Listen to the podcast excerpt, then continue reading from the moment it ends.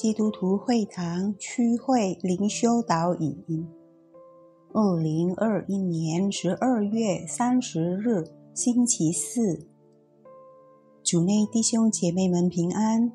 今天的灵修导引，我们要借着圣经以赛亚书四十三章第一到第七节来思想今天的主题。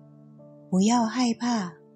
作者以马内利牧师，以赛亚书四十三章第一到第七节：雅各啊，创造你的耶和华；以色列啊，造成你的那位，现在如此说：你不要害怕，因为我救赎了你。我曾提你的名造你，你是属我的。你从水中经过，我必与你同在；你荡过江河，水必不漫过你；你从火中行过，必不被烧，火焰也不着在你身上。因为我是耶和华你的神，是以色列的圣者，你的救主。我已经使埃及做你的赎价。使古时和西巴代替你，因我看你为宝为尊，又因我爱你，所以我使人代替你，使列邦人替换你的生命。不要害怕，因我与你同在，我必领你的后裔从东方来，又从西方招聚你。我要对北方说：交出来。对南方说：“不要拘留，将我的粽子从远方带来，将我的众女从地极领回。就是凡称为我名下的人，是我为自己的荣耀创造的，是我所做成、所造作的。在这一生中，有很多事情。”会使我们对上帝的希望暗淡。生活中的不确定性和困难，往往使人害怕、焦虑、担心这未来。即使那些可能只不过是会使情况变得更糟的感觉，而且未定会发生。以色列人在被掳到巴比伦期间。也经历过恐惧，成为被掳掠者。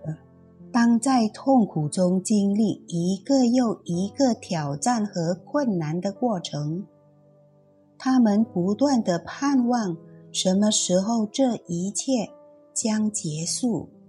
就在那时，上帝的话透过先知以赛亚临到他们说：“不要害怕。”第一节，因为上帝应许要在被掳到巴比伦的境况下救赎他们。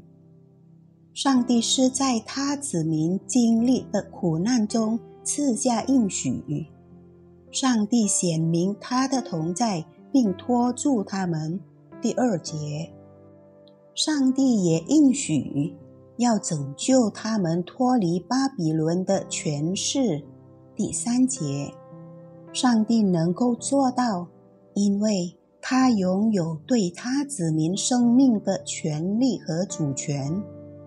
上帝再次说：“不要害怕。”第五节，上帝向以色列人显明了他的应许，使他们把希望转向那位曾经与他们的祖先同在，并显明了。一个又一个神奇的他，上帝应许要恢复他子民的景况。